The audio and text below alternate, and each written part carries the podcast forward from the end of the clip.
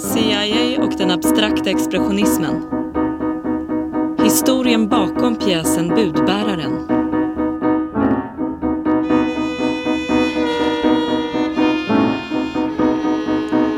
En artikel av Jan Kjell. Inläst av Jan Kjell och Adriana Savin.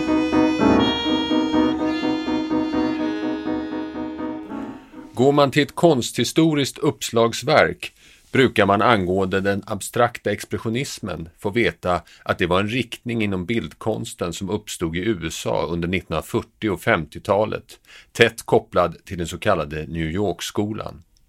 Man får vidare veta att stilbeteckningen abstrakt expressionism vanligtvis syftar på icke-geometrisk abstrakt konst samt att den omfattar stilar som action painting och color field painting.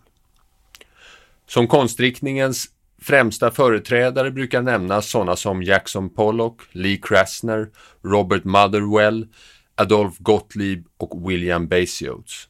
Man brukar även upplysas om att termen abstrakt expressionism ursprungligen myntades i Europa med syfte att beskriva de tyska expressionisternas arbete. De grundläggande impulserna till den nya konstriktningen kom till USA genom europeiska konstnärer på flykt från Europa före och under andra världskriget. Härvid spelade konstnärer som Achille Gorky och Hans Hoffman en betydande roll. Den senare som grundare av en för den nya konstriktningen mycket inflytelserik konstskola i New York. Den abstrakta expressionismen tog fasta på surrealismens strävan efter en konst som betonade automation och försökte visualisera det undermedvetnas uttryck direkt på duken. Den fick sitt publika genombrott i början av 1950-talet, bland annat genom en utställning på Museum of Modern Art i New York 1951 kallad Abstract Painting and Sculpture in America. Den abstrakta expressionismen var den första amerikanska konstriktningen som fick stor internationell uppmärksamhet och spridning. Det ansågs allmänt att den internationella konstscenen nu, utöver Paris, hade fått ett andra kreativt centrum i USA. Det finns dock också en annan, underliggande historia om den abstrakta expressionismen. Det är en historia som de konsthistoriska uppslagsverken generellt sett förbigår med tystnad. Det är historien om orsakerna till den abstrakta expressionismens exempellösa internationella framgångar.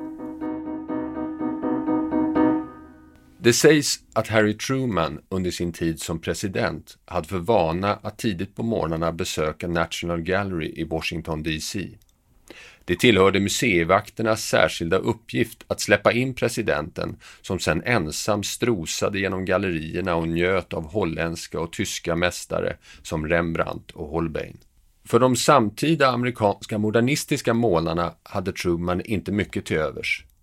Med hänvisning till sina besök på National Gallery skrev Truman i sin dagbok. Det är en njutning att titta på perfektion. Och sen tänka på de lata knäppa modernisterna. Det är som att jämföra Kristus med Lenin. Det var också en uppfattning som stora delar av den amerikanska kongressens medlemmar och, kan man förmoda, betydande delar av den amerikanska allmänheten delade. Majoriteten inom kongressen betraktade dessutom den abstrakta expressionismen som ett direkt hot mot såväl moralen som den nationella säkerheten. Enligt den republikanske kongressledamoten George Dondero var för övrigt hela modernismen som konstform att anse som en världsomspännande konspiration i syfte att försvaga den amerikanska beslutsamheten. Andra hävdade att de abstrakta expressionisterna var omedvetna verktyg i Krelms händer och att deras målningar i själva verket var hemliga kartor som avslöjade lokaliseringen av USAs strategiska befästningar. Detta kan i efterhand framstå som en rolighet. Men faktum är att dessa uppfattningar vid den tiden, det vill säga i slutet på 1940-talet, i allra högsta grad var en politisk realitet. Parallellt pågick också senator Joseph McCartys jakt på kommunister inom den amerikanska administrationen och nöjesindustrin. Delar av den amerikanska politiska administrationen såg dock saken annorlunda. Till skillnad från president Truman och kongressen såg State Department, utrikesdepartementet, en möjlighet i de abstrakta expressionisterna. USA var politiskt och finansiellt en nybliven stormakt. Men en verklig stormakt måste också ha en egen kulturell identitet, en egen konst, av det enkla skälet att det annars inte vore någon verklig stormakt. Och även om man kunde anklaga rivalen Sovjetunionen för mycket så kunde man i alla fall inte anklaga den för att sakna egen kulturell identitet och konst. Det var för att komma till rätta med denna konstnärliga obalans, detta art gap, som State Departments ögon föll på de abstrakta expressionisterna som en möjlig bärare av det nya imperiets egna konstnärliga uttryck i världen. Den abstrakta expressionismen skulle skingra den utländska publikens syn på den samtida amerikanska konsten som akademisk eller osjälvständigt efterapande europeiska förebilder. Men den skulle också tjäna som en motvikt till den socialrealistiska konst som bar fram Sovjetunionens socialistiska ideal och förhindra de eventuella locktoner dessa kunde utöva på västerländsk publik. Den abstrakta expressionismen skulle lyftas fram som ett lämpligt och mer frihetligt alternativ. Det var av den anledningen State Department 1947 arrangerade utställningen Advancing American Art. Utställningen bestod av 79 progressiva konstverk av bland annat Adolf Gottlieb och Achille Gorky och planen var att den skulle turnera runt i Europa och Sydamerika. Utställningen nådde Paris och fortsatte sedan till Prag där den hade stor framgång. Men där tog det också stopp. State Departments initiativ var nämligen inget som den amerikanska kongressen stillatigande tänkte acceptera. Kongressen fördömde utställningen både högljutt och kraftfullt. Den kallades subversiv och oamerikansk. Tvärt State Departments intentioner uppfattade kongressen utställningen som ett illvilligt försök att framställa det amerikanska folket som nedbrutet, missnöjt och längtande efter regimskifte. Det snarast stärkte kongressens uppfattning om att det inom State Department fanns kommunistiska och andra vänstervridna element. För övrigt en uppfattning som låg väl i linje med senator Joseph McCartys utskottsförhör om oamerikansk verksamhet. Resultatet blev att utställningen avbröts och målningarna såldes som statlig överskottsegendom till 95% rabatt. Därtill tvingade kongressen regeringen att utfärda direktiv om att inga amerikanska konstnärer med kommunistiska eller andra vänsterpolitiska kopplingar fortsättningsvis fick ställa ut på statens bekostnad. Därmed var State Department legalt förhindrad att fortsätta understödja utställningar av de abstrakta expressionisterna. Men i sakfrågan hade State Department inte ändrat uppfattning. Den abstrakta expressionismen ansågs fortfarande som ett lämpligt instrument för att på konstens område propagera för liberalism och kapitalism. Kongressens hårdnackade motstånd gjorde rent av att det framstod som än mer angeläget eftersom State Department fruktade att kongressens oförsonliga hållning i omvärldens ögon skulle förstärka bilden av USA som en kulturellt efterbliven krämarnation.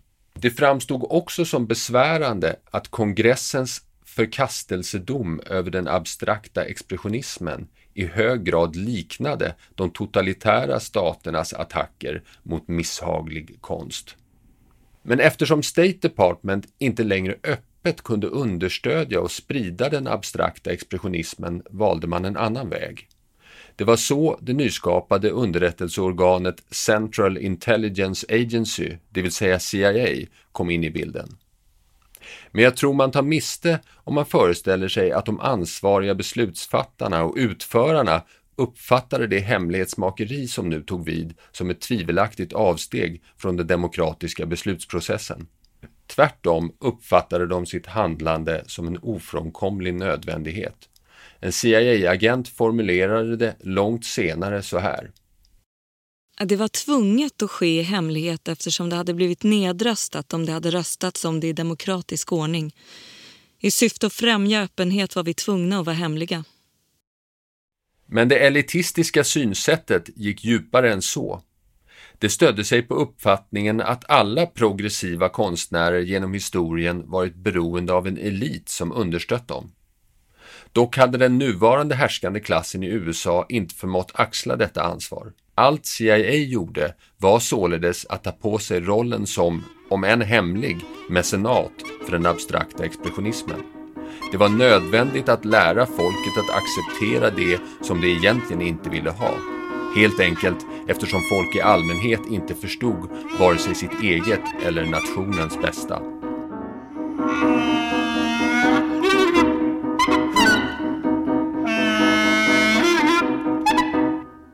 De konstnärer som kom att bli de främsta representanterna för den abstrakta expressionismen kom till övervägande del från den politiska vänstern, även om få av dem var överdrivet politiskt intresserade. Någon enhetlig grupp eller rörelse utgjorde de inte.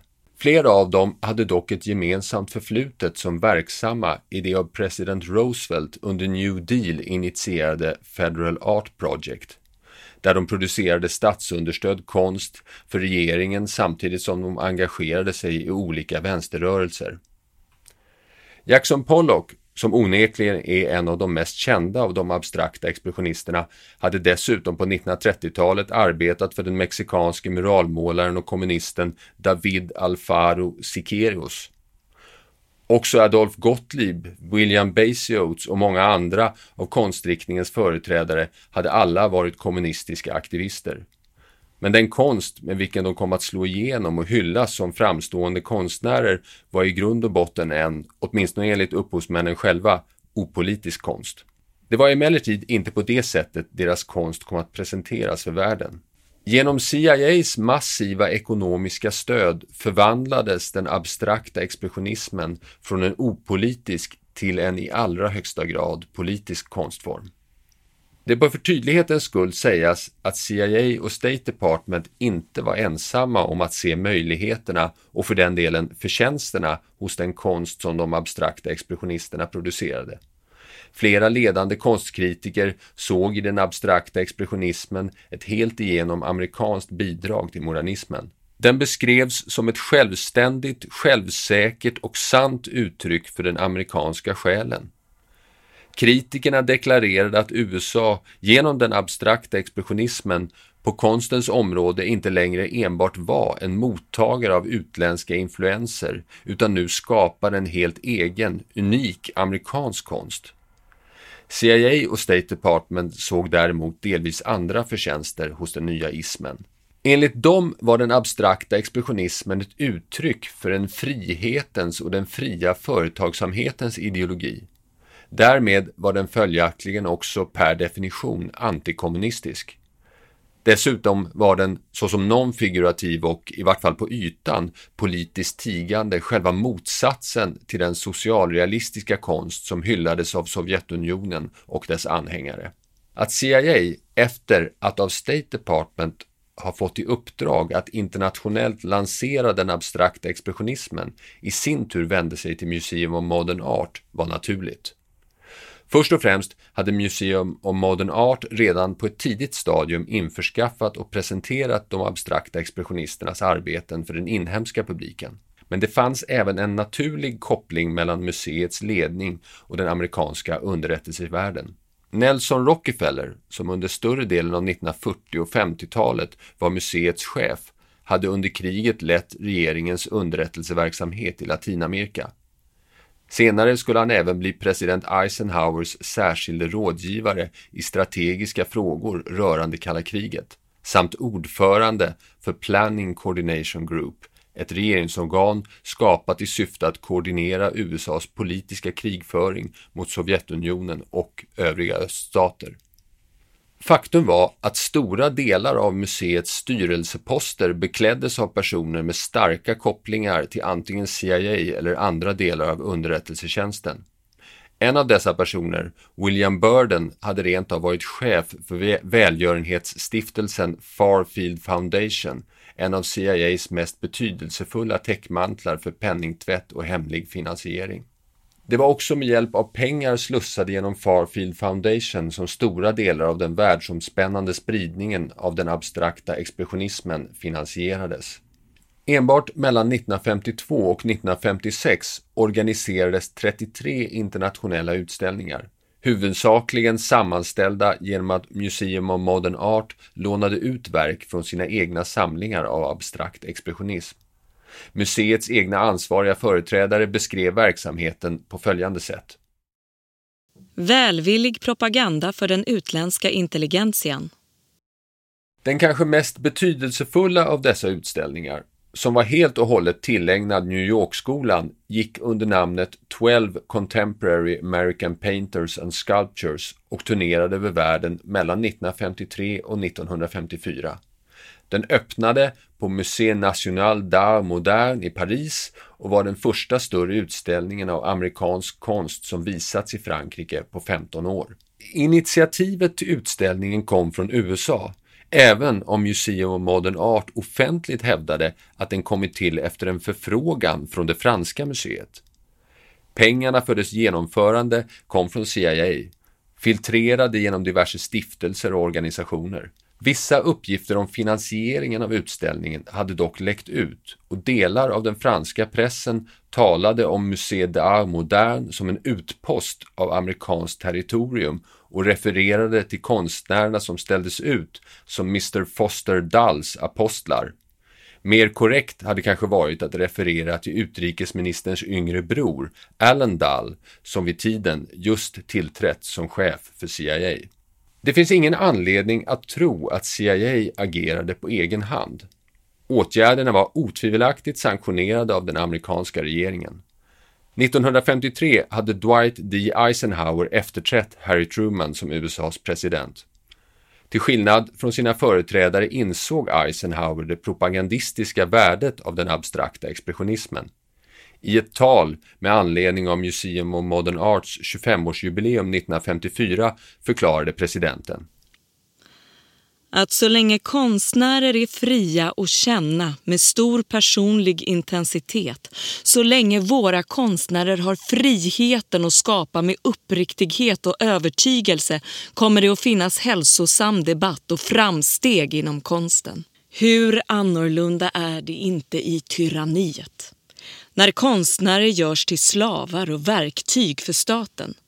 När konstnärer görs till propagandister för en sak så förhindras utveckling och den skapande anden förstörs.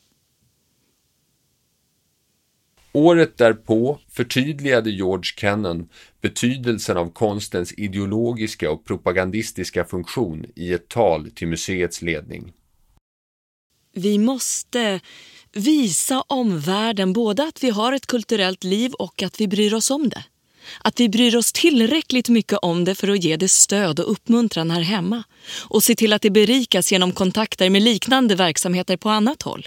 Om bara sådana intryck med tillräcklig styrka och framgång kunde befordras till länder bortom våra gränser skulle jag till förmån för det som ensamt skulle kunna åstadkommas av detta villigt avstå från alla andra former av politisk propaganda.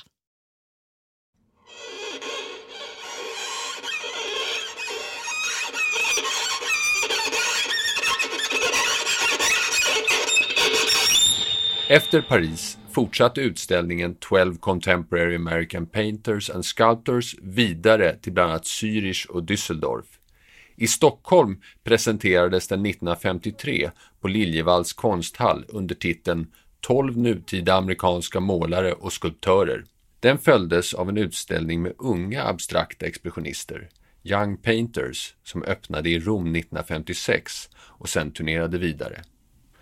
Nu kom också The Congress of Cultural Freedom, som var en ren CIA-organisation, in i bilden genom att anslå ett stort pris till utställningens tre bästa målningar. När utställningen nådde Paris ägnade tidskriften Preuve, som finansierades av CIA genom Congress of Cultural Freedom, halva sitt oktobernummer åt utställningen. Det förekom dock både i USA och på andra håll protester mot den abstrakta expressionismens dominans. Redan 1952 gick ett 50-tal amerikanska konstnärer, däribland Edward Hopper, Charles Birchfield och Jack Levine, till angrepp mot Museum of Modern Art. De hävdade att museets oproportionerliga favorisering av abstrakt expressionism tvingade unga konstnärer att anamma stilen för att överhuvudtaget ha en chans att få sina arbeten utställda. Det var en bedömning som skulle komma att visa sig riktig. För i slutet av 50-talet, när den abstrakta expressionismen stod på sin absoluta höjdpunkt, var det i praktiken omöjligt för en ung okänd konstnär som inte målade i en stil som på ett eller annat sätt utgick från den abstrakta expressionismen att hitta ett galleri i New York. Denna boom och dogm av abstrakt expressionism tvingade två generationer av realistiska målare att leva i skymundan. Samtidigt producerade de abstrakta expressionisterna fler och fler tavlor som blev större och större och tommare och tommare och dyrare och dyrare. Hela rörelsen hade förvandlats till ett stort affärsföretag och dess tidigare politiskt vänstervridna företrädare liknade numera snarare börsmäklare än bohemiska konstnärer. Avtrycket av CIAs dolda mecenatskap blev betydande och kom att utöva ett stort inflytande på efterföljande generationer av konstnärer. Vad ska man säga om en sån påverkan? Och vad innebar den för de konstnärer som av CIA användes för att propagera för den liberala västerländska kapitalismen? Långt ifrån alla av konstnärerna i fråga var medvetna om varifrån pengarna kom. Några kontakter mellan underrättelsetjänsten och konstnärerna förekom knappast. Det var ingen som beordrade dem att måla det ena eller det andra. Istället valdes de ut på grundval av vad de redan målade, nämligen abstrakt nonfigurativ konst. Vad de själva hade för politiska uppfattningar spelade i det sammanhanget mindre roll. Faktum var att det rent av kunde vara en fördel om de var vänstervridna, eftersom det utåt sett skulle få det att framstå som så mycket mindre sannolikt att de stod på CIAs avlöningslista. Förutsatt förstås att de inte officiellt gav uttryck för dessa vänsteruppfattningar. Istället fungerade de som värddjur, som bärare av det nya imperiets ideologi. Oavsett om konstnärerna själva var medvetna om sin egen världsfrånvändhet eller inte, så var det just denna världsfrånvändhet som CIA såg till att exploatera politiskt. Syftet var att leda publikens tankar bort från det sociala och politiska engagemanget och att istället betona själslig introspektion och meditation. Det fanns förvisso också de bland de abstrakta expressionisterna som var högst medvetna om den politiska ideologi som fästes vid deras konst och som var helt överens med den och menade att det var en viktig kamp att föra.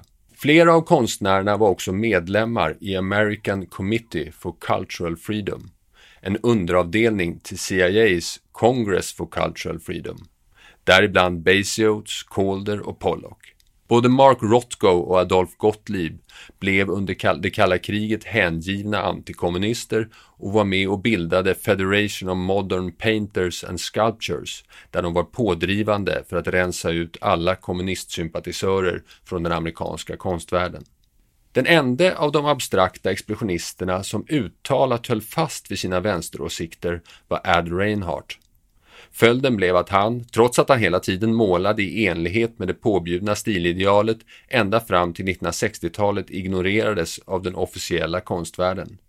Ad Reinhardt var också den enda av de abstrakta expressionisterna som deltog i medborgarrättsrörelsens marsch mot Washington för svartas rättigheter i augusti 1963. Men de andra då? Hur påverkades de? Vad blev det av dem? I mitten av 60-talet kom de första stora avslöjandena om CIAs inblandning i såväl det amerikanska som det internationella kulturlivet. I maj 1967 nådde avslöjandena New York Times första sida och strax därefter upplöstes Congress of Cultural Freedom, som var själva moderorganisationen i CIAs kulturella krig. Vid den tiden hade Jackson Pollock redan varit död i tio år, omkommen i en bilolycka Arshil Gorky begått självmord och Franz Klein avlidit i sviterna av sitt massiva alkoholmissbruk. 1970 skar Mark Rothko upp sina pulsådror och förblödde på golvet i sin ateljé. Vissa av hans vänner upplevde att en av orsakerna till hans självmord var att han inte stod ut med motsägelsen att överösas av materiella belöningar för sitt arbete som han själv menade vrålade ut sin opposition mot den borgerliga materialismen.